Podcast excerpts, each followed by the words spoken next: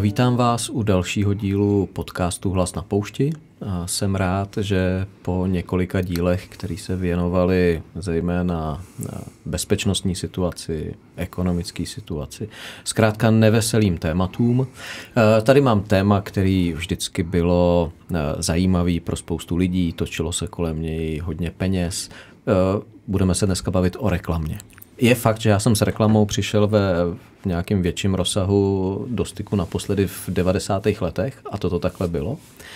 A dneska si budu povídat s dvouma kamarádama. Uh, mám tady Viléma Rubeše, mám tady Ahoj. Jardu Novotnýho. Ahoj. Díky kluci, že jste přišli.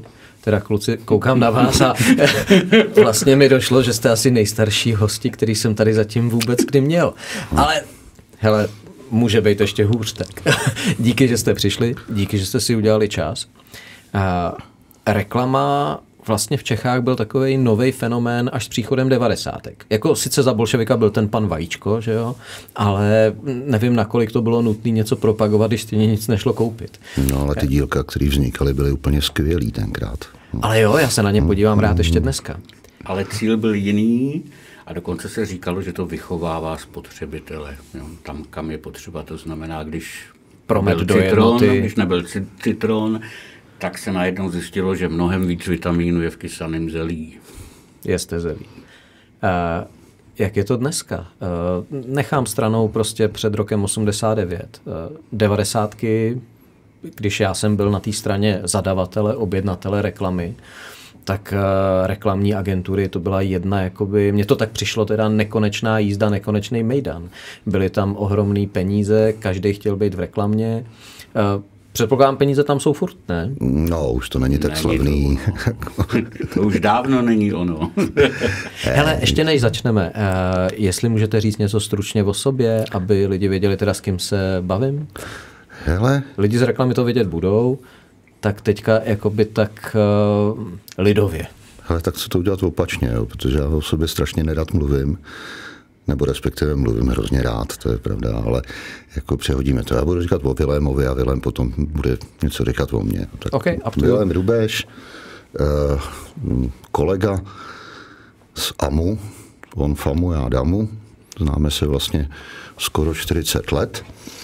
Eh, později agentura Leo Barnett, později agentura Tanagra s mýtickou reklamou na Eh, korunní kyselku, kdy spáchali během jednoho roku 365 reklam, každý den byla jiná, to musím říct, že do dneška jsem obdivoval. To bylo pro který médium? To bylo televize? To bylo pro televizi, mm-hmm. to bylo 365 reklam. Zároveň uh, letitý kolega i konkurent, takže jsme se občas hrozně nesnášeli, ale zároveň vlastně nějak jsme se respektovali, nebo já jeho, nevím jako mě. A do dneška jsme kamarádi, občas se potkáváme nad nějakou prací. No, už to není taková jízda jako v těch devadesátkách.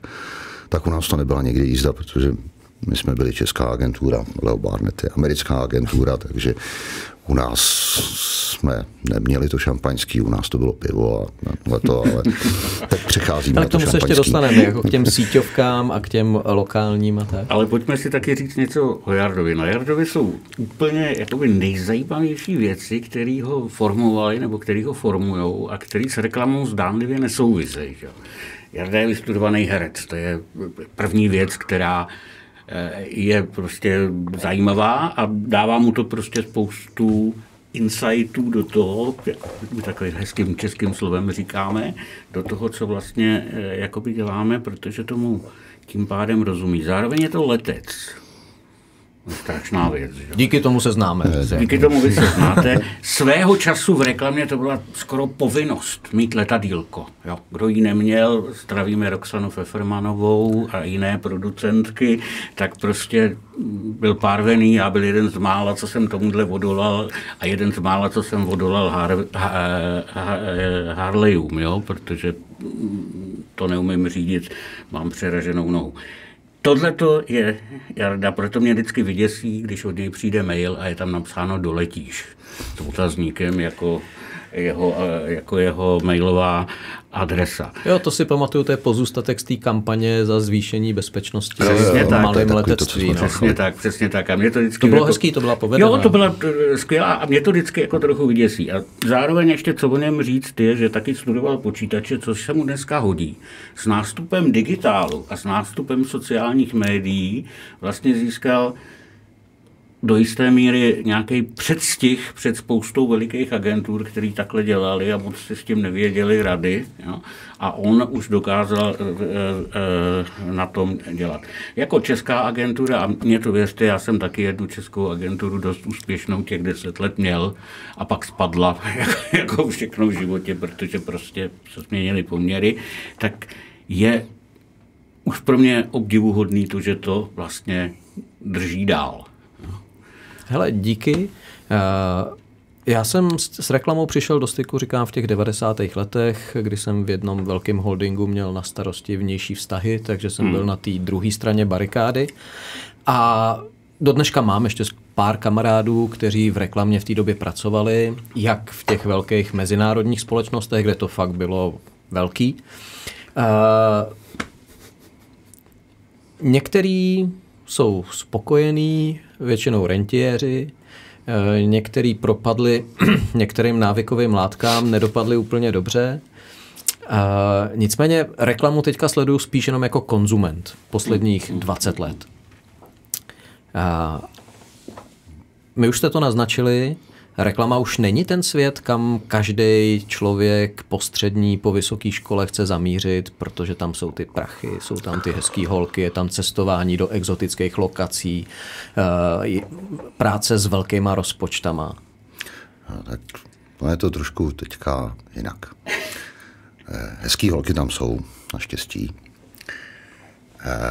Cestování do exotických lokacích, no občas to je, ale poslední rok jezdím do Varšavy, což teda rozhodně není exotická lokace, ale je to zajímavý. Člověk si někdy hraje s nějakýma relativně velkýma rozpočtama, nebo snaží se efektivně utratit tak, aby to něco tomu klientovi přineslo. Rozhodně reklama je dřina a je to pro určitý typ lidí. No. Jsou to lidi, který motivuje to, že to je jako po každý jiný, a prostě v tom dnu svapujou mezi prostě pěti, šesti různýma klientama. A já vždycky, když ke mně někdo přichází do agentury, tak říkám, hele, prostě to, co vám můžu slíbit, tak je to, že to bude pestrý. Takže ráno si otevřete myslivce, ne kvůli tomu, že byste toho myslivce pili, ale budete zkoušet, jak se nalejvá. Budete zkoušet vymyslet to, aby vypadal dobře někde nějaký produktový shot. V poledne si otevřete prezidentskou kampaň a začnete si hrát s prezidentskou kampaní. Ne teda, že bychom každý den dělali prezidentskou kampaň, jako bohužel bych nepřežil. Stačí jednou za těch pár let. Stačí jednou za pár let. Jo. No a odpoledne prostě si otevřete někde nějakou banku a začnete řešit banku. Jo, to je to, proč, co mě na tom baví vlastně těch 33 let, co to dělám. No ráno, poledne, odpoledne, to je tak, jak si já reklamu pamatuju. Prostě to byli lidi, kteří prostě, když se ráno probrali, tak začali makat a makali prostě do dvou do rána, kdy pak upadli a zase se druhý den ráno probrali. A jako i dnešní generace tohle to zvládá, protože co já mluvím s lidmi, kteří jsou z jiných oborů biznisu, tak dneska ty lidi mají trošku jiný nároky na volný čas, na to, že chtějí mít v práci pejska, že přestože jo, chtějí mít home office, i když třeba jsou na pozici recepční. Ano, změnilo se to. Skutečně já na to narážím všude. Tuhle jsem prostě dělal nějaký workshop pro spoustu malých startupů, které jsou financovány z jednoho zdroje, z jednoho fondu. Ten mě požádal o to, abych s ním udělal nějaký workshop. Workshop dobrý, to všechno bylo příjemný, ale když jsme pak se večer dostali k tomu, že já u vína a oni u šíši s, prostě s jinými látkami jsme hovořili, tak se na mě dívali jako na blázna. No, jsem jim říkal, že jsi starý, 90, nebo... No to taky, ale že v 90. To, tam byl široko daleko nestar, nejstarší. Podstatě o dvě generace. Ale dívali se na mě jako na blázna proto, když se mi vyprávěla v těch devadesátkách, my jsme opravdu v půlnoci rovnou do toho Terters baru jeli ještě z té agentury, jo? Eh, bez jakékoliv pauzy a ve čtyři ráno jsme šli rychle domů na dvě, tři hodiny se vyspat a zase dál. A v sobotu se na schodišti v té agentuře setkávalo těch sedm, osm, devět klíčových lidí, kteří si vzali kafe, sedli si na ty schody a konečně měli šanci si požvanit o věcech, které nemohli ten týden, protože se skoro nepotkali, že? protože každý někde lítal. Můj, jakoby, eh, ještě navíc eh, specifický v úzovkách problém byl, že jsem jako famák dostal na triko nejen psaní, jako původní jsem copywriter, reklamní textař. Ano, copywriter je ten, který reklamní textař, ten, který píše to, čemu se v angličtině říká copy, neboli reklamní eh, text. Je to proto, že kopie se posílala do tiskárny. Jo? Originál měl podepsaný klient a pak to srovnal, jestli je to v pořádku pro to copywriter. Ale taky jsem jako famák byl jediný široko daleko v té agentuře ve 92. dokonce ještě v 91. který rozuměl eh, aspoň trošičku natáčení takže se ze mě stal vlastně agenturní producent. Což Počkej, znamená... to se vlastně reklamy ještě točily na klasický film? No je, je. no Ale je, já je. jsem ještě stříhal. Takže to muselo být strašně drahý? No jasně. Muselo to být časově náročné na tu postprodukci? Ano. A hlavně postprodukce ještě v Praze tehdy nebyla, což z dněšního hlediska zní divně. Byly nějaký studíčka, mohlo se jít do české televize. Nebo... Na Barandově skoro nic nebylo jako postprodukčního. Takže e, moje devadesátky vypadaly tak, že já jsem něco natočil, Eurotel, Vitanu, SPT, Telekom. To jsou značky, které dneska už spousta lidí nezná. Dneska, dneska tu Vitanu snad ještě někdo vnímá. A takhle jsem s tou velikou krabicí toho filmu, kterou jsem si strčil do tašky, odlí do Londýna. A tam jsem další čtyři dny dělal postprodukce. Samozřejmě za cenu, za kterou se dneska skoro už natáčí jako v této zemi eh, celovečerák. Jo? Ale přitom to byla dvoudenní, eh, dvoudenní eh, shooting, jo? nebo něco takového. A nebylo to nepříjemný, přiznávám, no, za peníze klientů produkce, protože chtěli od nás, od té agentury dostat práci, tak se tam o mě hodně starali v tom Londýně, bukovali mi skvělé hotely, jako ten, který už, do kterého dobře, se to nikdy se nedostanu. To už se dostáváme teďka do fáze vzpomínky starých zbrojnošů, ale tak. co se a. změnilo? Změnil ale se změnila... přístup klientů, změnil se čas, že je na tom mín času, nebo na, nároky těch lidí, ještě když se vrátím k tomu, jako jestli dneska reklama reklama láká lidi, že chtějí v reklamě pracovat? Nebo chtějí pracovat, ale za jiných podmínek, než jste to dělali vy dva? Ne, ale jsme, jsme v zemi, kde je nulová nezaměstnanost. Jo, což je první problém, který to je ten ekonomický, který tady je, jako znamená těch lidí, kteří chtějí do reklamy, tak je samozřejmě výrazně méně. Když se v 90. dal inzerát, tak prostě se netrhl telefon a prostě chodili mraky životopisů, tenkrát ještě třeba poštou nebo tím letím. Teď je to prostě složitější, ty lidi se vybírají složitějc. Mají trošku jiný nároky nebo jiný nároky na to, eh, work and life balance, jako tak prostě samozřejmě nechtějí v té agentuře trávit noci, když se občas najdou lidi, kteří jsou ochotní ty noci tam trávit, když je potřeba.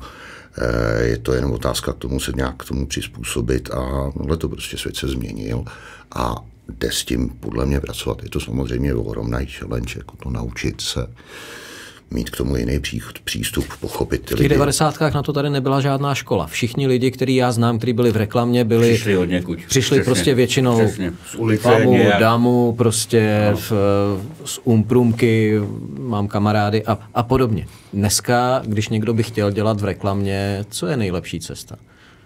upřímně řečeno... E, skočit do toho, nebo... Jo, upřímně řečeno skočit do toho. Jako oni už dneska jsou školy střední i vysoké, které tento obor nějak učí, ale přiznávám se, že třeba pro mě nejlepší talenti, který já jsem vybíral v dobách, kdy jsem tu agenturu vedl, tak chodili za prvé z mimo Prahy a za druhé bylo úplně jedno, jaký je to obor. Šlo o to, jestli má zájem a chce to dělat. A chce se učit. A chce se učit, přesně tak. Jo? Protože když přijde mistr světa a Meleta, už s ním se moc pracovat nedá. Když přijde někdo, kdo říká, já to udělám takhle, takhle, a když mu člověk řekne, hm, právě teďka prohledáváš slepou cestu, kterou zkoušelo před tebou šest generací, tak se jako neutvrdne ve svém názoru a řekne, tak jo, tak, tak jak bychom to mohli udělat líp. Hele, a ještě no. za mě to oblast reklam byla jako, jako hodně maskulinní záležitost. Možná to tak nebylo, možná to jenom s těma lidma, se kterými jsem se stýkal já, ale ty šéfové těch firm byly chlapy. Uh, holky tam byly většinou na těch pozicích, který to odmakali, ty výkonný produkční, uh, nebo rekla, v těch reklamách případně účinkovali. Změnilo se i tohle? Uh, částečně jo. Částečně jo, protože některé velice dobré agentury vedou holky a myslím si, že je vedou dobře. Uh, to je jedna věc. Druhá věc, jako samozřejmě holky z hlediska nějaký spolehlivosti, tak jsou samozřejmě vždycky lepší než my chlapy, protože prostě my nemáme ten sit pro ten detail a tohle to a reklama je o detailu. Jo, takže jako u nás je mix, prostě kluci, holky. Uh, snažím se to tak jako vyrovnávat jako u sebe ve firmě, tak aby to pokud možno bylo tak jako půl na půl nebo něco takového protože prostě ten ženský faktor tam je potřeba. Hmm. A ještě poslední k těm lidem a o ten zájem v té reklamě pracovat. Eh, zase konec 90. let, kamarád, který dělal art direktora, tak měl prostě 200 tisíc čistého měsíčně. Hmm. Počítám, že inflace se musela promítnout i tady, takže dneska na téhle pozici poček, počítám, to bude jak půl milionu měsíčně, tak o to přece musí být rvačka i v zemi, kde je nulová nezaměstnanost. No, to prostě bohužel už to tak dávno není, že jo? takže pojďme si to hmm. vydělit tak deseti. A, a ano. Fakt, a prostě jako ten rozdíl, který je prostě proti těm devadesátkám je i technologický. Jo protože prostě, když tadyhle Vilém páchal ty spoty na eh, eh, a jezdil s tím do Modína, já jsem točil něco podobného tady v Čechách, Sice třeba občas jsme něco točili na Umatic nebo Betamax, protože prostě ty hmm. rozpočty nebyly tak zase velký, přesto hmm. té srandy jsme přitom zažili stejně, tak ty technologie teďka prostě stojí pár korun vlastně. Ale ta, lids, ta lidská síla, lidská práce, ta by měla být dražší. No to je, že když ty máš eh, když ti točí někdo něco s bazmekem, který stojí pár milionů, tak seš ochotný mu dát jako strašný peníze za to, protože prostě to je zařízení, který stojí pár milionů. Když ti někdo točí reklamu, teďka to přeženu na mobil, tak, než, no, jako, tak proč prostě bych já mu platil prostě milion za den nebo sto tisíc za den. Jo? Co se změnilo prostě v té reklamě teďka. Zaprvé je potřeba strašný kvantum toho obsahu proti těm devadesátkám, protože v těch devadesátkách prostě člověk udělal kampaň, udělal k tomu vizuál, natočil k tomu spot jako nashledanou. A v principu potom dostali jsme někde nějaký peníze na média, tři měsíce jsme se báli, říkali jsme, jak to funguje, neviděli jsme žádný čísla v reálném čase. No a po třech měsících buď nás pozval klient, pohladil nás po hlavičce a řekl, budu s váma spolupracovat dále, nebo nám řekl, máte průser. A pak jsme se s nima dohadovali, jako, že to nezafungovalo a proč to nezafungovalo. Teď, se to, teď se to děje tak, že se to děje v reálném čase.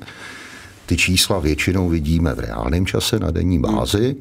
Druhá a pojďme říct lidem čísla jaký, jako sledovanosti nebo přímo jakoby už ten dopad na většinou, produkty většinou, toho klienta, většinou ty nákupy? Už jako i obchodní čísla protože hodně jsme se přestěhovali do těch digitálních platform, to znamená, většina firm má nějaké e-shopy, ale my třeba, když děláme i tu, tu klasickou, tu B2C komunikaci, tak prostě po klientech chceme, aby jsme viděli denní prodeje, aby jsme viděli, jak to funguje nebo ne. Druhý rozdíl je v tom, že prostě pokud děláme kampaně v digitálu, tak pracujeme třeba, nevím, z pěti, deseti sety nějakých kreativ, který se vzájemně testují, běží tam AB testing a v momentě, když to přestane fungovat, tak ty kreativy rychle doděláváme. Eh, zkus lidem říct, co to je AB testing. AB testing je to, že si pustím proti sobě dva vizuály, nechám si je otestovat, jako uvidím na to, jak mi na to lidi reagují a víceméně v řádu pár hodin nebo maximálně dnu tak vidím, na co ty lidi reagují víc. Tam se sleduje někde nějaký engagement nebo něco takového, či případně opravdu ten výkon, pokud to mám na e-shop.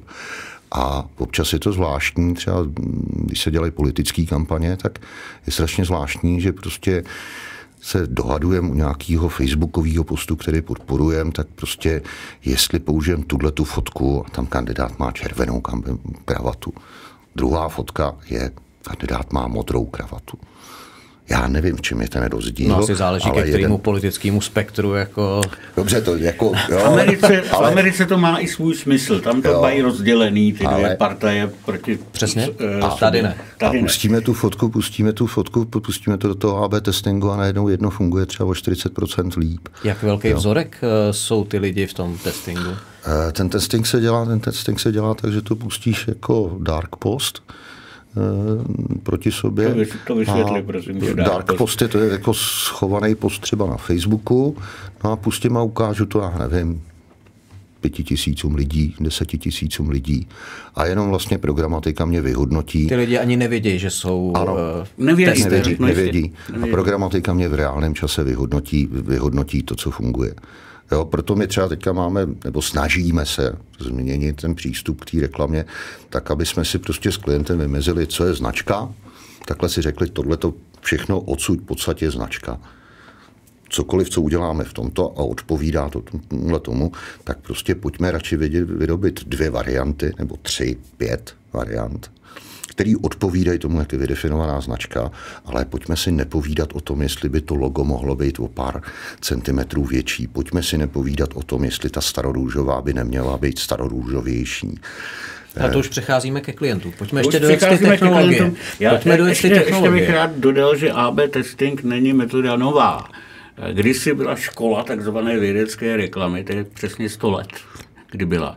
A ty na to vlastně přišli v Americe, že můžou do tohohle okresu dát jednu verzi inzerátu, protože tam vychází místní nějaký časopis, který tenkrát hrál tu roli toho média, a do toho jiného okresu dát jinou variantu kreativity a pak porovnat, odkud přišlo víc nákupních kuponů, že jo, který tehdy byly zpravo dole.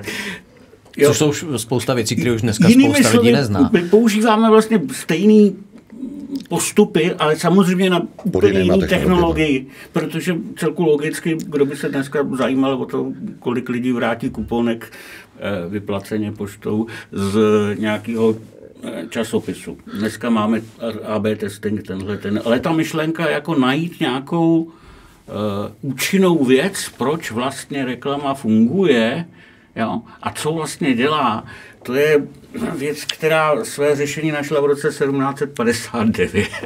Ale ono, Hele, když tam, se no. bavíme o technologiích, eh, Teď jsme se bavili o technologiích, no. kterýma, to jsou výrobní nástroje, kterými no. ta reklama vzniká. No. Takže vlastně ty doby, opravdu si pamatuju, a v roce 97 6 milionů korun bylo něco úplně jiného než 6 milionů korun dneska.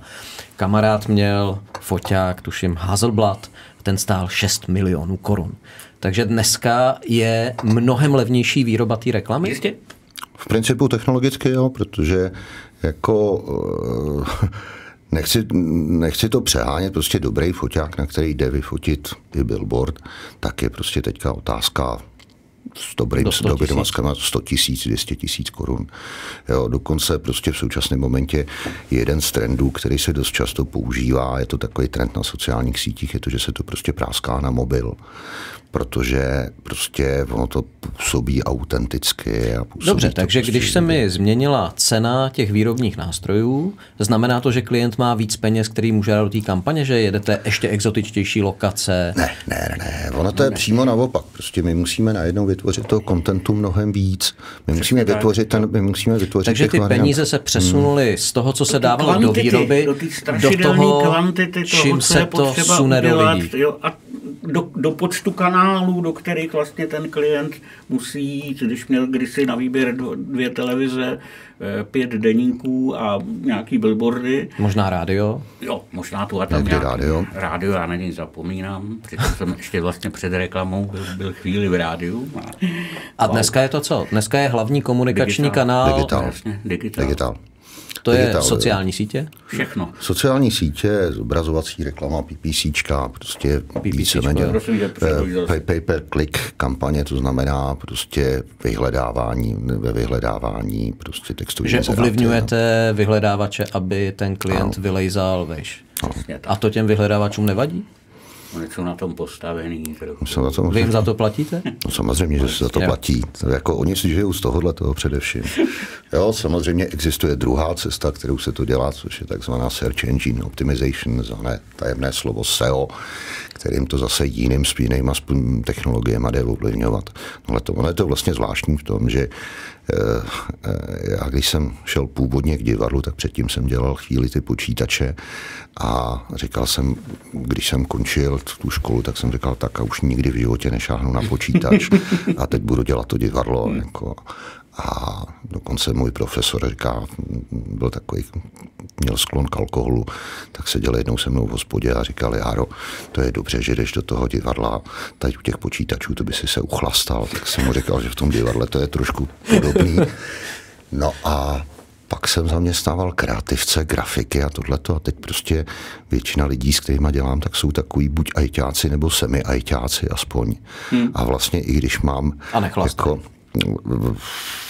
většinou tolik ne, už tak jako zase mají ty jiný hodnoty, že jo.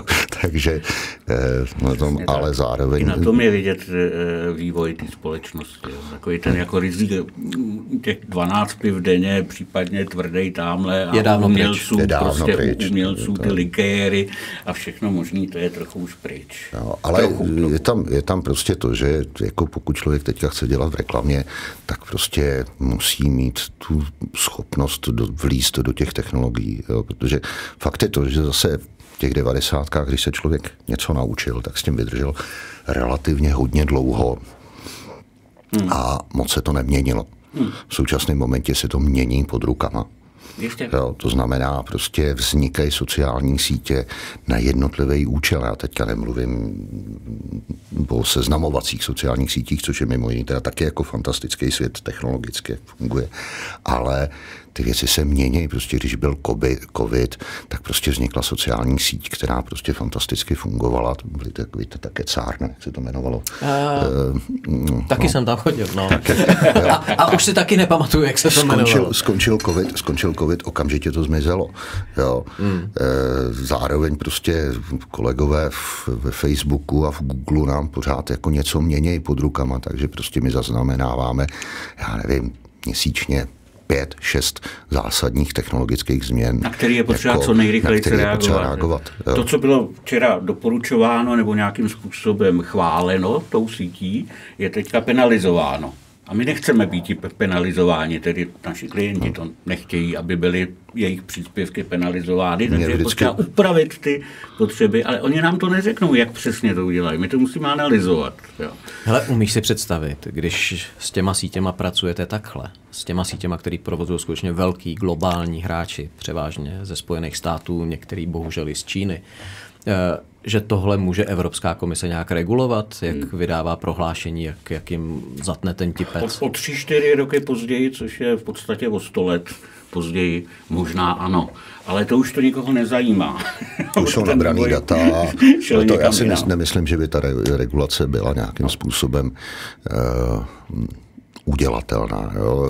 Samozřejmě je to otázka v tom, že když si budeme povídat o dezinformacích nebo na tom této téma, tím, že jsem dělal mm, volební kampaně, tak eh, to tam samozřejmě hrálo roli, ať to bylo v kampani, eh, v kampani prostě pana Drahoše nebo pana profesora Drahoše, nebo začínalo to vlastně v období, kdy byla kampaň prostě mm, pana knížete, tak eh, Tam to dezinfojilo ještě víceméně těma starýma, Starýma, ano, starýma protože- metodama, No, billboardy. Cílová skupina těch době- dezinformací ještě na tom Nebyla. webu vlastně nebyla. Jo, ale já jo. si myslím, že to je o tom, o tom jako vlastně vzdělávání. Jo. Tam, kde si myslím, že díra jako poměrně silná, je to, že ať si povídáte s kýmkoliv kompetentním, tak všichni říkají, no my budeme vzdělávat ty lidi- děti na těch školách.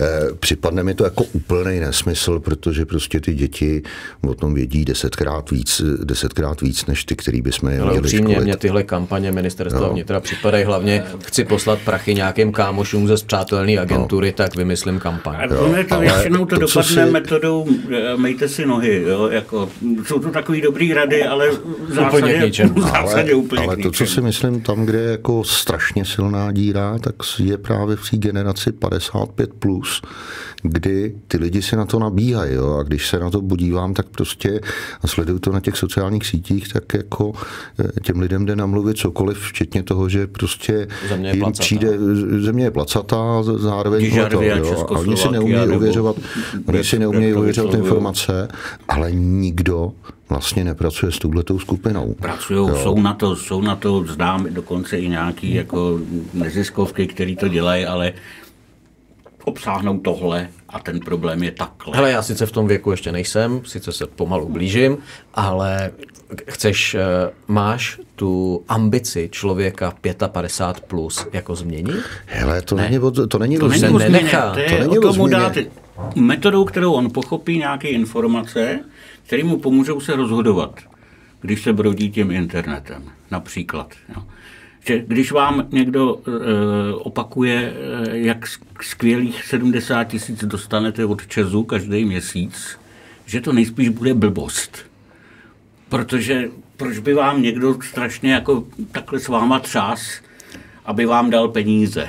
To se prostě v historii lidstva nikdy nestalo a nejspíš nestane. Takže to bude blbost. A to jsem zvolil ten příklad, který je tak očividný. A přesto na těch sociálních sítích dnes a denně tyhle ty inzeráty toho typu, že prostě vzniká tady prostě velký program jako co pak o to, co pak o to, to, jsou takové ty, ty věci okolo těch bitcoinů a tohle toho, kdy prostě jsou schopní opravdu lidi přesvědčit, aby vybrali svoje úspory, případně jim dali svoje připojení do toho a rychle odnesli úspory do A narvali to tam do toho nějakého bitcoin matu. A, a, tohle to, to si myslím, tohle to a samozřejmě s tím dále souvisí politická manipulace, já nevím, rozdělení společnosti, sám to jako znám, že občas prostě s některýma příbuznýma radši si nepovídám o politice, protože prostě by to skončilo strašným masakrem a myslím si, že většina těch jako mladších lidí najednou na tohleto, když narazí v té rodině, tak A prostě je zná- to důsledkem nějaký cílený reklamní kampaně? Nebo je to důsledkem toho, že v rámci těch sociálních sítí, protože dneska spousta lidí komunikuje víc na sociálních sítích. Já když jedu kolem autobusové zastávky, a, tak tam vidím skupinu lidí Přesně. a, a nikdo se spolu nebaví. Všichni koukají do Zombie mobilu. koukají do svých mobilů. Přijdeš do restaurace, tam sedějí lidi a všichni Ano. koukají do Ano. mobilu.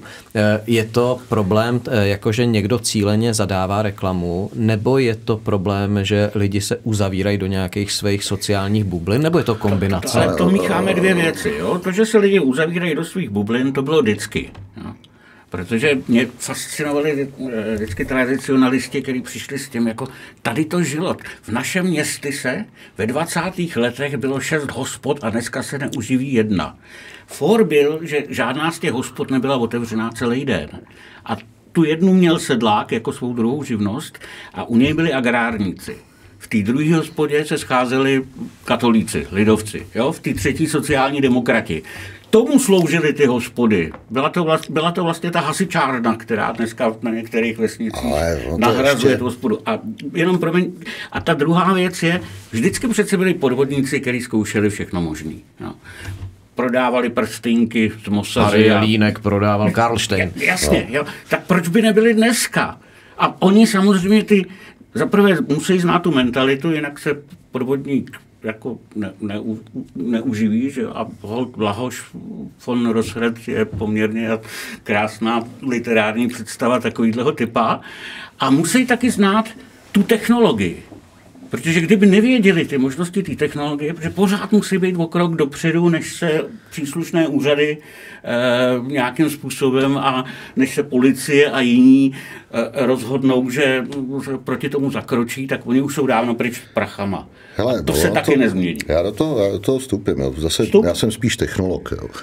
E, samozřejmě algoritmus sociálních sítí, především Facebooku, který ovlivňování těch té starší generace teďka jako hraje jako poměrně velkou roli, tak je vlastně konstruovaný tak, že tě uzavírá do té sociální bubliny. Jo. Pokud zase jdu do té paralely, tak já vždycky říkám, že pořád, když jsem chodil a ve vesnici byla jedna hospoda a tam chodili všichni, tak se tam rozumně konfrontovaly názory, takže když jsem říkal, že starosta je vůl, tak prostě dřív nebo později, pokud ten starosta byl populární, tak jsem dostal facku. To se teďka neděje, protože Pokud se nebyl to populární, dostal facku starosta ano, Vatře. přesně tak. Jo, to se teďka neděje, protože ten algoritmus nás uzavře v, to, v té skupině, které, v které se utvrzují názory. Jo, to znamená vlastně najednou mě vlastně začne nabízet to, na co já reaguju vlastně- pozitivně. Jo. Proč to ta sociální síť dělá? Protože tam přitáhne víc lidí a je schopná jim prodat víc Soci- cílený sociální reklamy? síť, sociální síť obchoduje, nebo Facebook obchoduje s tím časem, který ty pálíš na tom, eh, na tom Facebooku. V Čechách teďka nevím ty poslední čísla, ale jsou to prostě řády hodin denně. Je to strašný. Jo? Jako vlastně připadne mi to šílený, že prostě bych denně strávil dvě a půl hodiny, eh, tři hodiny na, na Facebooku. Přesto ty lidi Musíme tam tom být pracovně, jo, jako to se nedá nic dělat. Eh, Převažuje se to právě teďka už ve prospěch těch sociálních sítí, se to pře- převažuje i z z těch klasických nadlinkových médií, jako je televize nebo něco takového, tak ten poměr už prostě je v tomhle pokud chci zasáhnout mladou generaci, tak už prostě... Hele, je eh, pojďme všechno. říct lidem zase, který nejsou z branže, co je to nadlinková a co je to podlinková nadlink, reklama. jo. Ne, protože od toho se pak odpíchneme je- jakoby ano, k tomu, už je- do to čeho se je- dneska ta no, reklama... To, to už je vlastně svým způsobem termín, který je dávno, dávno pasé, protože kdysi, když se dělali mediální Dík, já jsem se to rozpočty, ještě učil. Tak se, přesně, tak se televize, noviny, billboardy a tyhle ty věci uváděly nad linkou a pod čarou šly takový ty drobný, který šly do nějakých věcí. Eh, Eventy, eh, Přesně tak, jo. ochutnávky. a Ochutnávky. tohleto. Jo. A Teď už, se to, teď, už se to, teď, už se to, teď už se to jako vlastně změnilo, to znáte nadlinkový ty televize a tohle to tak vždycky je to nějaký komunikační mix, kterým už musí mít vždycky ten digitál, vždycky tam už musí mít ty sociální sítě, vždycky tam musí mít prostě jiný, jiný zásahy, samozřejmě mění se nám to, to mediální prostředí. Teď, když jsem sem šel do studia, tak jsem prostě uchopil do, ruce, do ruky noviny a takřka se mi roztřásly ruce, protože jsem říkal, hele, takový z noviny jsem nedržel v ruce tři měsíce. A eh, tyhle ty noviny, Čím to je, že lidi nechtějí papírové noviny? Jsou tam staré zprávy? zaprvé je to starý, že jo, prostě už ty noviny Musíš za to zaplatit? Musí za to Musím za zaplatit, to a zaplatit. musím si proto někam dojít. Ono i musí tohle se už dojít dneska, a jo. tohle a teďka všechno mají stejně v tom svém mobilu nebo v tom tabletu. Ráno hned po probuzení Jo. první, co vidím s proměnutím na záchodě, je, že Jo. vlastně všechny ty zprávy už se ke mně hrnou tím, tím telefonem a nemusím čekat, až eh, paní přinese nějaký noviny. Oni a už stárnou zprávy v televizi. Pro koho je dneska print? Umře print tak, jako umřel Telegram?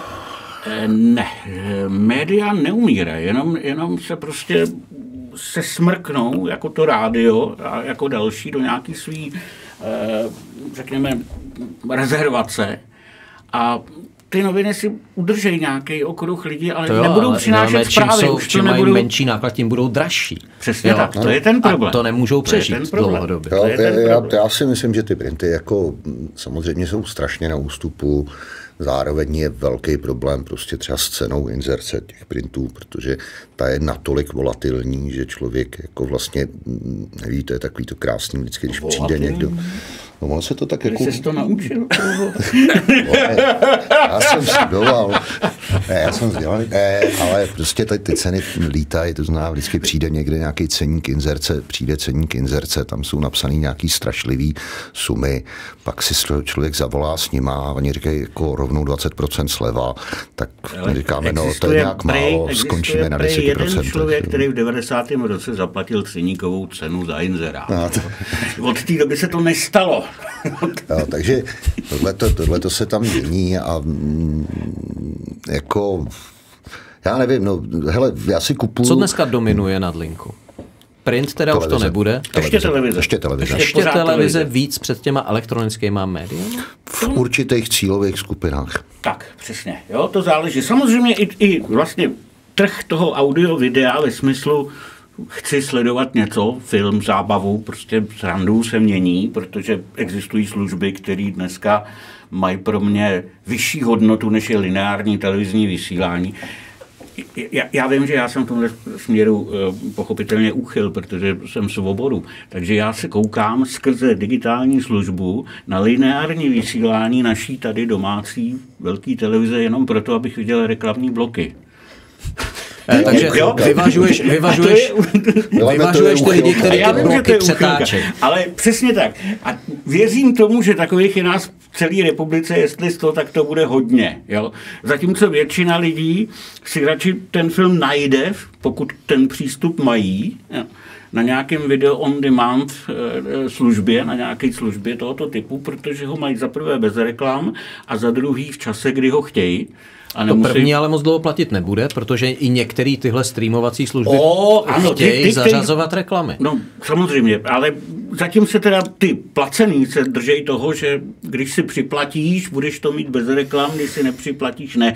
A ty, kteří jsou zadarmo, já ten YouTube nebudu jmenovat, tak ty teďka nasadili tu politiku, že prostě tam ty reklamy spou co tři minuty jenom proto, aby tě donutili své, si to své koupit. premium takzvané služby byly, eh, byly schopni uh, prodat. No, to, je, to, to, je, to je stejný přístup, to je jako věc, která bohužel tím k tomu nemám nějakou úplně čísla, ale že tady přístup ke konzumaci reklam je jeden, že teda ty reklamy tam, ty reklamní bloky tam nechávám, ale v těch streamovacích službách jedna nejmenovaná televize prostě eh, drží to, že nejdou eh, ty reklamy přeskočit. Jo, jo, jo, jo, jo, to je Což teda z mýho pohledu jako sledovatele někdy občas nějakého pořadu, kterýho většinou usnu a když chci vědět, jak to skončí, tak mě to úplně děsí, protože prostě zjistím, ta že reklama jsem, tě vždycky probere. Jako, ne, ne, ta reklama, já, já usnu po deseti minutách, ale pak říkám k sakru, jak to skončilo a teď zjistím, že si musím na té televizi najet na tohle, mě se to zastaví na Tam těch reklamách. Těch pět reklam. Šlehnu si těch pět reklam, zase přetočím, to říkám, pocať jsem to viděl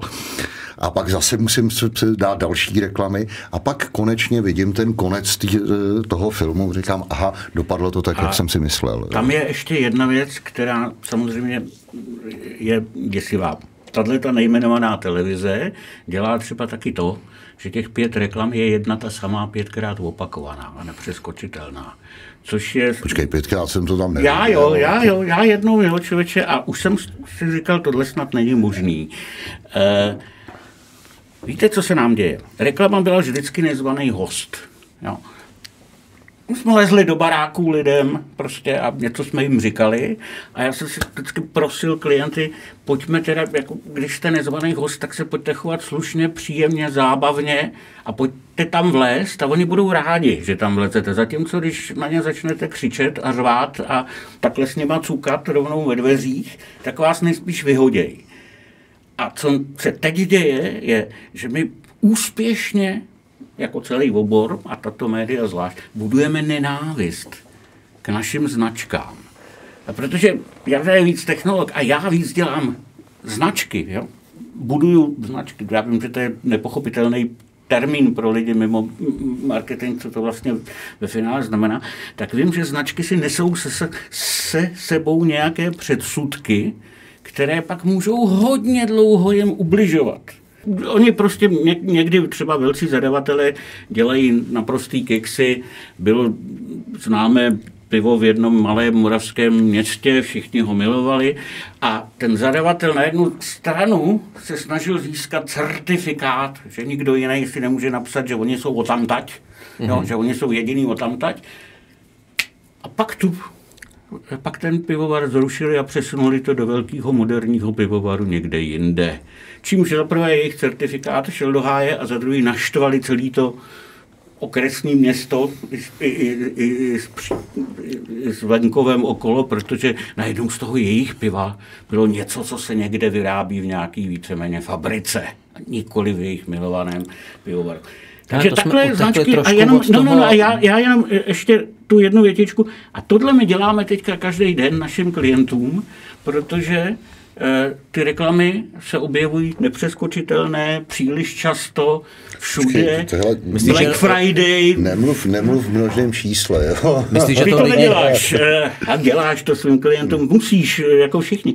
A to samozřejmě přizpůsobuje se tomu, že ty značky pak dostávají za ucho. Jo. Mně se Dobře, stává ale to jste zase vy, zase ty reklamní agentury, protože vy nakupujete ty časy. Vy ne, máte možnost už. ovlivnit Reklamky už nenakupují prostor? Reklamní čas, reklamy už teďka nenakupují, to je věc, která přišla na konci 90. Ano. let, kdy přišly mediální agentury Prostě se to eh, který začali nakupovat, začali nakupovat vlastně za toho klienta, někdy velice efektivně, uměli to velice dobře plánovat.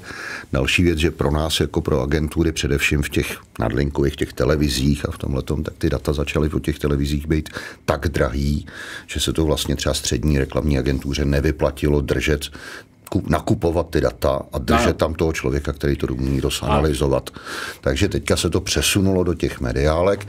Na druhou stranu zase teďka ta funkce těch mediálek především v tom digitálním hmm. marketingu zase jistým způsobem padá, protože oni e, trošku zaspali dobu, teď to se snaží rychle dohnat a hlavně ty reklamní časy se nakupují v jako v reálném čase. Tak, Jo? To, to, znamená, je, to je velký rozdíl proti dřívějšímu. Ten rozdíl je v tomhle tom. Samozřejmě někdy mediální agentury i nakupují ten digitál, to znamená, my vytváříme třeba jenom obsah na ty sociální sítě a pak to někdo nakupuje. Na druhou stranu třeba z mýho pohledu je to relativně kontraproduktivní, pokud si hraju právě s tím AB testingem, mm, mm. hraju si prostě s různýma efektivitama toho rozpočtu. No, třeba mám prostě pět vizuálů, pět způsobů komunikace, kterým, kterým trefuju tu značku nebo ty cílové skupiny, ty segmenty té cílové skupiny a teď prostě zjistím, že mi něco nefunguje, tak kus toho rozpočtu přesunu a začnu ho posunovat tam, kde je efektivní. Jo. Což samozřejmě, když to dělá jiná firma, tak už to prostě ztrácí, ta komunikace logicky. ztrácí, je to pomalejší, přestane to fungovat, ale to rozhodování u nás je opravdu v řádu hodin nebo maximálně dne. No. Jak moc se mění uh, u reklamy její cílování? Já si pamatuju, byl nějaký science fiction film s Tomem Cruisem, Uh, myslím, že to byl Minority Report, kdy on vejde do toho obchodu a vlastně ty čísla zaznamenají, kdo to je a reklama se mu proměňuje. To už dneska zažíváme ale někde. Ale v principu jo, protože jako zase teda jako... V digitálu 100%. Reklamní, derviše, reklamní dervišové můžeme říkat, jak to bylo v devadesátkách, tam to bylo takzvaný sociodemografický cílení, to znamená, vycházeli jsme z toho maximálně, kde ten člověk bydlí, jak je starý, příjem částečně, jo, a jestli to chlap nebo ženská. Jo, a to byly takový ty základní data, které jsme měli. V současném momentě... To, ještě, promiň, tam, byl tam ještě meziskok, kde se to změnilo a kdy jsme šli po takzvaném lifestylu. No. Vlastně jsme ty jo. lidi začali skup, se skupovat do nějakých Klastrů skupin a... podle toho, jak trávili čas s médiama, jak trávili čas svůj třeba volný. A to, to nám přišlo najednou zajímavější a pro klienty to bylo cenější než e, prostě takový ty klasický typy jako hospodinka 40+, plus, jo, protože najednou se ukázalo, že mezi tím se propadne spousta ale, ale dneska, dneska na těch elektronických ten digitál, médiích... Ten digitál už teď umíme cílit, už umíme cílit no. vyloženě na chování. Jo, to znamená, já jsem Dokáže schopný... to identifikovat jakoby konkrétního člověka. Teď si ten iPad otevřel tenhle člověk a já mu začnu spát tyhle reklamy, Takřka protože... ano. Takřka ano, ale ono nás to takhle až nezajímá. Jo? E- efektivita té věci někde končí u toho, že prostě je to výborný, když já můžu zacílit na lidi, kteří e, prostě milují tohle a minimálně minulý měsíc byli na tomto serveru, kde něco, jo? nebo který už viděli dvakrát moji značkovou reklamu, jo? tak můžu, brandovou tak reklamu, tu... tak teďka už jim ji nebudu spát, budu jim spát produktové záležitosti. Nejsme ještě tak Aktuální daleko, že uh, by někdo dokázal mít přístup třeba k tvýmu chytrému telefonu, který vidí podle toho, co často nakupuješ za zboží a on ti Když bude máš, reklamu. To, to je, proto se snaží strašný kvantum Tam ještě lidí, jako eticky nejsme, že tě tam nepustí. Ty, oni se ti snaží nadspat aplikaci. V momentě, když máš aplikaci, Přesně tak, tak tam už pracuješ s těma datama. Ale to jim dáváš dobrovolně. ten obchodník. To jim dáváš Aha. dobrovolně.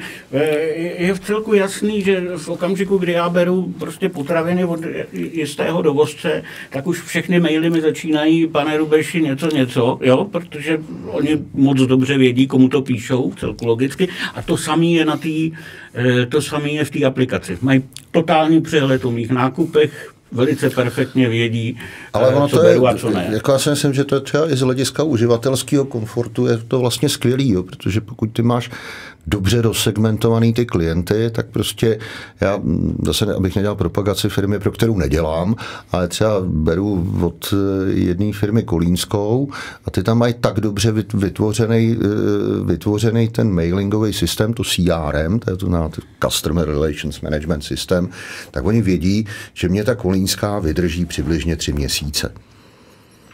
A opravdu pouze vždycky, když mi ta kolínská končí, bum, vyskočí na mě, tadyhle, tadyhle ta firma mě nabízí tuhle tu kolínskou, ťum, ťuk se slovou, kup si to. Ne, neskoč nikam jinam. Jo. jo, já říkám, jo, hele, vlastně už mi to dochází, tak tam kliknu, udělám ten nákup. Jo, a tohle to, jako mně to připadne... Je tohle budoucnost reklamy? Je. Jako Je. úplně Je. fokusovat na jednotlivce? Je, je. Hlavně plnit mu nějakým způsobem jeho potřeby. To se pořád vracíme, já jsem to tady řekl, rok 1759 to poprvé zaznělo, že je to v reklamě příslip a ten příslip musí říct, co vlastně potřebujeme. Jo? Ta historka je... Jo, jde dělat customizovaný obsah, customizovaný obsah na webu, že jo, takže ty můžeš Jo, mít takže kde- kde je moje nějaká- stránka bude vypadat jinak než něčí jiný, moje aplikace od toho obchodníka bude logicky obsahovat jiné produkty, než... Tomu rozumím. jiné. A kde je nějaká etická hranice? Protože ty vlastně tímhletím koukáš lidem často až úplně do ložnice u některých vzorců chování. Uh. Jako, hele, já si pamatuju, byly takový ty agentury, které schroma, jako združovaly ty reklamní agentury, které nastavovaly. To ještě funguje? Existuje Etická komise, která tě- Existují etické komise, Existuje existuje... etický komisí čím dál tím víc, eh, ale- Etických komise čím dál tím víc. Já si myslím, že to je vždycky o nějakým jako spíš rozumným přístupu.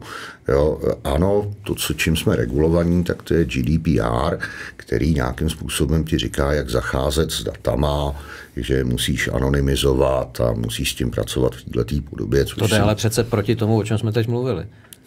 No, úplně ne. Když je anonymizuješ, tak pak nevíš, komu máš jako posílat, který No, z těch Ale tady anonymizovaných... jsme tam mi ti dali zůstane- tam souhlas. ti zůstane- tam Když já si zůstane stáhnu ten- tu aplikaci, já Jo, dám to máš pr- jo. To není věc, kterou, Ok. kterou by dělali Jo. za mými zády. Jo? To je Jo, přece ale byl můj anonymizace, zájem. anonymizace aby- dat je o tom, anonymizace dat je o tom, že ty, já nevím, že jsi to ty, Milan, jo, ale já vím, že tvoje ID nějaký jako reaguje na tuhle tu, reaguje na tenhle ten, na tenhle ten produkt nebo A na tenhle to nabídku sdělení. měl A dostat. proto, proto ti to sdělení můžu poslat. Jo, to znamená, Jo, to zní fér. to G- GDPR jako je, prostě je to tak jako demonizovaná záležitost, eh, s kterou, na který prostě vydělají strašný kvantum peněz eh, konzultanti. Většinou ty konzultace byly na nic, protože prostě stejně po tom výsledku... Nech konzultanty, konzultantem a náš rozdíl on dál vede agenturu a já pracuju jako konzultant přímo pro klienty, jo, No, takže dobře, tady jasně. bych ubral. Jasně, ne, ale je to eh, jako... Já, já bych se jako v ochrany dat, že prostě ti koukám do soukromí, jo? já ti nekoukám do, sou, do soukromí, já ti prostě jenom něco nabízím a prostě nebudu ti nabízet prostě tanga, když vím, že nosíš trenky. Jo? Jo. A o to to jde, o tohle to jde. A většinou je to na základě tvého zájmu, milí spotřebiteli, že jsme něco Hele, spousta lidí operuje s AI, s umělou inteligencí, jak to prostě změní svět. Eh, Když mluvím s lidma, kteří jsou v tom oboru, tak říkají prostě umělá inteligence eh, není úplně ten Skynet eh, z Terminátora, která ne, prostě ne. se rozhodne, že nás zítra zabije, ale je to o tom, co my od ní chceme a jsou to lidi, kteří vlastně ji zneužívají eh, k tomu. tak. To Jak bylo je to v té reklamě to vždycky. AI? Hejbe vám to s oborem? Hejbe, strašně moc. Eh, Je to, v některých věcech je to naprosto úžasná věc. Blbý je to, že to samozřejmě likviduje některé profese, anebo snižuje to. Copywritery. Eh, Copywritery, copywritery taky. Copywritery taky, ale Fotografy, fotografy. Jo, Ono prostě v to ale současném momentě ten střed. poz, poznáš fotku vyfocenou Zatím jo, a AI. zatím jo. Ne. Ale ono to to zlikviduje už ten umíme střed. udělat tak, že umíme, umíme udělat to, že No. to nepoznáš. Jo, jde, jde s tím, když se Těch s šest, tím umí. těch šest prstů se zatím objevuje poměrně Eh, často na ruce. Když, tím, když se s tím umí, tak to jako ušetří strašný kvantum času, zefektivní tu, tu práci.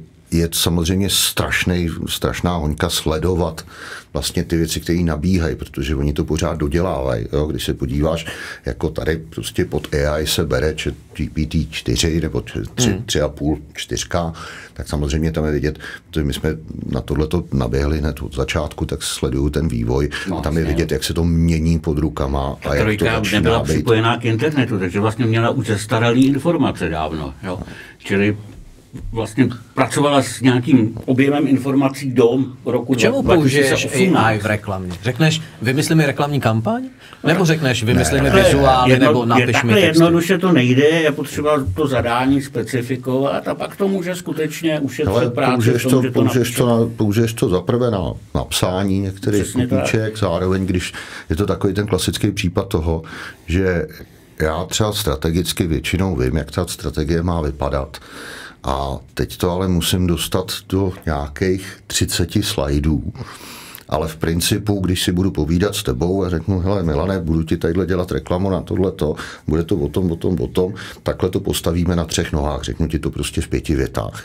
Ale když prostě půjdu prezentovat tady někde na představenstvo, tak to musím zabalit do nějaké hezké prezentace. Tak tyhle ty keci, které tam potom pracně dopisuju, tak to to AI umí napsat. Jo, to, umí, to, to umí Občas dobře. jsou tam teda strašlivé věci, které z toho padají, ale eh, to AI se chová jako psychopat. To znamená, ono velice přesně ví, co chceš slyšet. A to dodá. Jo, a to dodá. Jo, je to až chvilkama úžasný, protože prostě když napíšeš jako, hele, chci takovouhle, takovouhle prezentaci, tak vždycky asi to přečtu a říkám, Ježíš Maria, takovýhle krásný marketingový keci, to už jsem dávno nenapsal. To je tak hezký, ale jinak jako na to je to, to AI skvělý. Druhý, pokud se bavíme o těch grafických věcech, stříhacích věcech, na tomhle tom opětně velice užitečná hmm. věc, hmm. protože to prostě umí skoncentrovat, ví, jak ty věci, ví, jak ty věci prostě naběhnou. Umím prostě udělat fotku, Říct, ale tadyhle mám produkt, když to naučím dobře, tak mám produkt, prosím tě, ten produkt mi tadyhle dej před skotský zámek, potřebuju skotský zámek, ono to nabídne jako 10 variant. Jo? Teď to třeba používáme pro jednoho Bohužel klienta. to taky občas nabídne no. prostě vysací zámek jo, to, to, to, vlajkou, to se tam objeví, to se může to se tam, stát. To se tam objeví, ale samozřejmě... Ale on ten, se to učí docela rychle. On se to učí, jo, jo, jo, ono se to učí, ono se to učí a, to a jako teď mám právě na víkend prostě nějaký dvě aplikace, který mě kolega poslal, ať si s tím jako pohraju a řeknu, jako jestli to funguje nebo nefunguje. Jo. Může to dojít to... do fáze, kdy si tohle prostě velká firma koupí a nebude potřebovat eh, reklamní agenturu? Uh, hele, já si myslím, one, vždycky, vždycky ta reklamní agentura má jednu fantastickou výhodu. Jo. Eh, mnoho klientů se pokusilo si vytvořit svoji interní hmm. reklamní hmm. agenturu. Víceméně okamžitě ty lidi absolutně zabili protože prostě vlastně žádnému klientovi se nepovedlo, ne, byť to byli, tak se nepovedlo vytvořit interní agenturu. Nebude Tam je důležitý ten odstup od té značky a to, že jako sleduju něco ještě dalšího. Jo, a já třeba hrozně nerad dělám. Že to můžu přijít, protože když to mám jistý a sedím jo, a mám, mám to na salámu, protože vedu interní oddělení, který dělá a já můžu trávit 95% času vztahovými válkami v managementu, tak pravděpodobně ten výsledek práce nebude tak úplně dobrý. Ty jsi někdy dělal v korporátu? ne, já, já s nima dělám. já s nima 30, let, protože 30 let dělám. A taky si prošel někde, byl jsi v nějakém korporátu, kde jsi to byl? No a to, to, ale to jsem teda nebyl dlouho. Významná část náplně práce eh, managementu v korporátu ano, je souboj s ostatními ano, manažery. Pochopitelně, můj kamarád byl můj klient, eh, jeho firma se stala součástí veliké korporace, Eh, on se tam stal velký. Já ho od té doby skoro neviděl. On neměl čas už na práci. Na to tam byli jiný, podřednější. On Hele, bojoval já bych, ty války. svůj zadek. já bych, já bych jako ne, ne, netrápil se korporát, já spíš mluvím o jiné věci. Tam je o tom, že když jsem dlouho prostě u projektu a nemám ten odstup hmm. u něj, hmm. tak začnu být slepej. Hmm. Jo, my jsme hodně dělali třeba softwarové firmy a v jedné firmě udělali docela jako převratný informační systém a teďka jako vlastně celý ten informační systém všichni jako říkají, no to je skvělý, to je výborný a to je výborný, jako to je skvělý a prostě tenhle ten produkt budeme prodávat.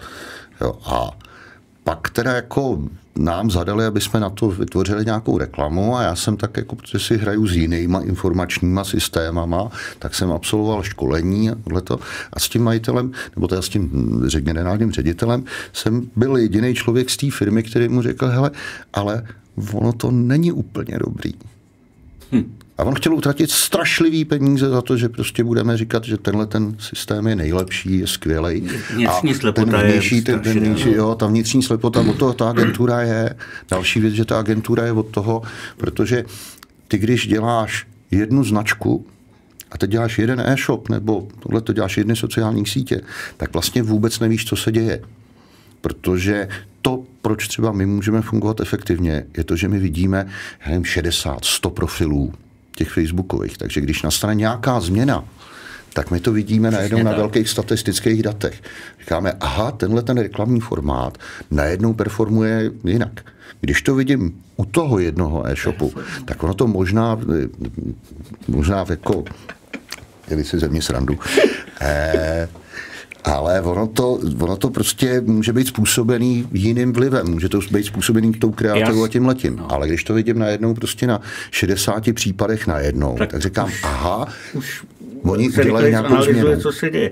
Ale mě třeba překvapil člověk, který už je v pánu, ale který našel někde nějaký produkt, udělal z něj jednu z největších globálních značek, oni lidi z oboru budou vědět, ale já to říkat nebudu. Ale když chtěl tu značku postavit, udělat si svou vlastní značku, a dneska je to jedna z neúspěšnějších značek ve světě, tak ji nedělal sám, protože řekl, já jsem moc blízko. Já, já jsem si to koupil, je to moje, je to, já jsem moc blízko, já teďka musím řešit další věci a svěřil to svýmu kamarádovi který a? pak přišel s nějakým řešením. Ale úplně, aby jsme uh, se dostali k nějakému hmm. závěru, ať no. ty lidi hmm. úplně ne, ne, neznechutíme jako našema vzpomínkama a našema filozofickýma úvahama. Uh, mě trošku reklama děsí v tom, nakolik je schopná uh, lidi ovlivnit. Někdy je to super, že dokáže ovlivnit pozitivně. Uh, bohužel žijeme ve světě, který není ideální, takže občas si se jí snaží použít lumpové, aby ji použili proti nám. Eh, některé ty vládní kampaně uh, jsou stejně stupidní, jako byly za toho bolševika, ať už takový ty... To jsou. Uh, to jsou. Jako no, jasně. kampaně Evropské no, unie, to, to je prostě tupost na tupost, tupost jo. na tupost. Jo? To opravdu plány 25 letky splníme ano. a překročíme. Uh, existuje nějaký prostor na to, jak se bránit tomu zneužití reklamy? Uh, vlastně připoutání těch lidí uh, k reklamě a tupýmu věření? Manipulaci? Dá se tomu bránit jako individuálně? Já se obávám, že tohle je moc problém tady není. Jo? Že ono to jenom vypadá jako problém. E, Za prvé, reklama vás opravdu nedo, nedonutí nakoupit něco. V devadesátkách se mi to říkalo mnohem s nás, klientům, kteří říkali, prostě to do těch lidí nahrnem. A, já jsem říkal, pane generální řediteli, kolik máte doma balení tamponů a vložek? No žádný, proč bych to měl?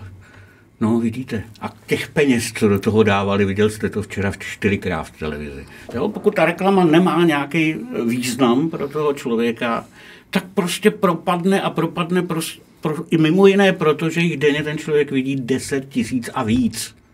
Z toho kognitivně zpracuje opravdu málo. Takže tyhle ty reklamy Evropské unie, těch jsme si všimli my tady, protože, protože jsou máme i nějaký, protože jsou prostě blbý. Ale já, budu, já, budu, já tady budu trošku hájit jako jednu věc. Oni jsou blbí z jednoho důvodu protože jsou blbě zadávaný. Protože tady existuje zákon o veřejných zakázkách, který třeba neumožňuje to, aby prostě, když tady vyhlásí nějaká instituce někde nějaký výběrový řízení na reklamní agenturu, my se to občas účastníme, První zábavná věc je tam v tom, že když si člověk otevře ty metadata toho dokumentu, který přijde, tak zjistíte, že ten dokument píšou půl roku. Půl roku píšou dvě, dvě stránky. Na tak základě... to je zase jako dobrý, že máš jistotu, že ho psal ten úředník a ne nějaká reklamka, která si to připravila to, pro sebe. To je fajn, ale proč to píšou půl roku, ono to přijde a výstup je takový, prosím vás, příští týden potřebujeme strategii na uh, tuhle tu kampaň, do které naspem 50 tisíc, jinak když to nebude vzdáte, tak to nebude. Druhý problém je v tom, že když tenhle ten papír my dostaneme a řekneme tomu klientovi, prosím vás, pojďte se potkat a říct, co vlastně chcete. Z toho papíru, z toho briefu to nejde vůbec poznat, protože většinou, většina briefů je blbě napsaných, protože buď chtějí všechno, což znamená nic, protože ten úředník tam napíše, prostě my chceme od toho všechno. A druhý problém je v tom, že tam nedodají ty informace, které my potřebujeme. Ale my nemáme šanci si s tím klientem sednout a říct, hele, co vlastně vy potřebujete. Hmm. Takže si posíláme někde nějaký e-maily a je to vlastně nekonečná, nekonečná diskuze, protože my se zeptáme, prosím vás, má to být zelený? Odpověď zní, barevné spektrum bylo definováno v manuálu, který vám ale nedáme, protože ještě jste, se, ještě jste to nevyhráli.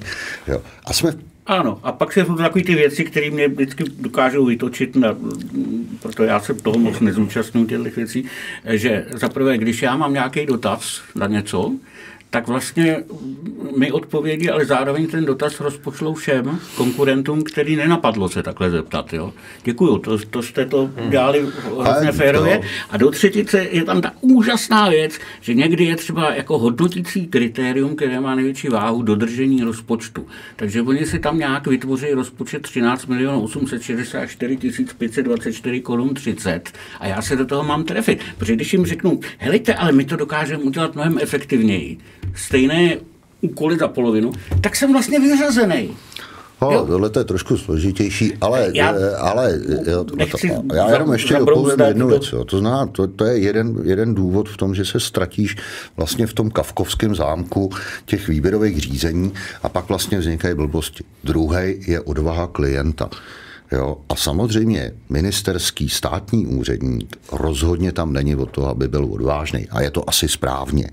Jo? Ale když si tady povídáme s Vilémem o reklamách a o tomhle a vždycky já třeba vidím občas některé věci, které jsou dobré, tak říkám, hele, to je jako...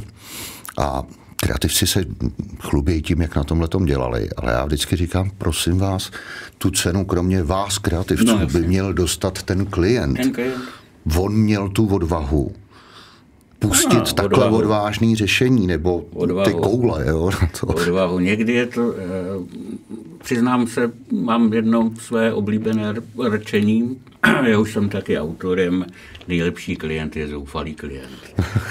Klient, který mu jde o život. A klient, jo, buď, buď mu jde osobně o život, že jeho čísla jsou tak mizerní, že ho vyhodějí, a nebo je to majitel značky, který mu jde o život, protože ta značka může jít do háje, jo. tak ten je pro mě nejlepší klient z jednoho prostého důvodu. Najednou je otevřený i eh, předsudečným řešením. Jo. Řešením, který se nelíbí jeho kamarádům, který se nelíbí jeho manželce, ale který to jsou je prostě taková, takový... hele, to je taková leobárnetí škola. Jo? No je, no, jako, co mám dělat? Já, tohle já tam těch úplně, tohle to 8, úplně jako 8 let ale... Eh, pracoval. Že? Ale ještě se tam na jednu věc. No. Fakt poslední, ať, mm-hmm. nakolik klientům prospívají takový ty ideologické reklamy.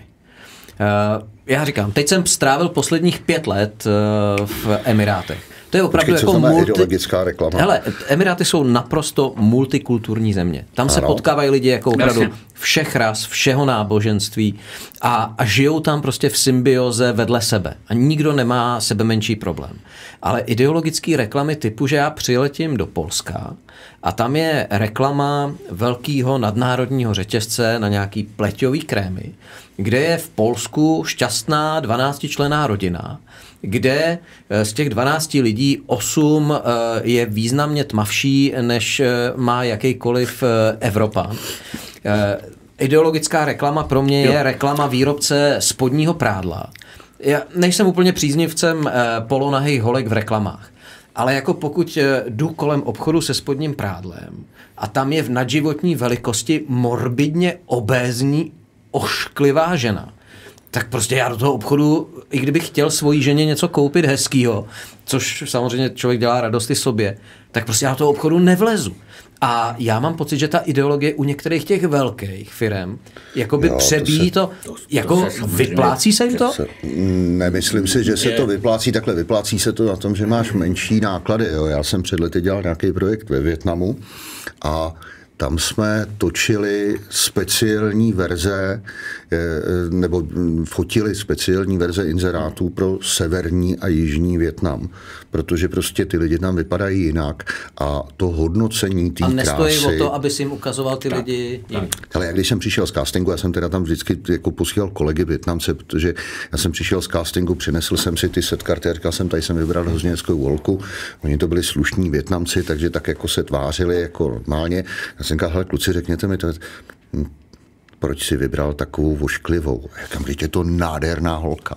A pak jsem pochopil, že to vnímání, prostě oni mají těch ženských úplně jinak než my. Takže no to a pak se ukázalo to, že něco funguje líp na tom severu a na, to, na tom jihu. Jo, na druhou a proč stranu, nám teda cpou věci, které tady zjevně Protože nebudou může být. Když mají celostátní věc, tak je, to, je, tak je to prostě záležitost, kterou dá celosvětová, je to záležitost, kterou nechtějí. takže potřebuji ušetřit, potřebuji ušetřit a še- šetřím náklady, tak to prostě sem bouchnem.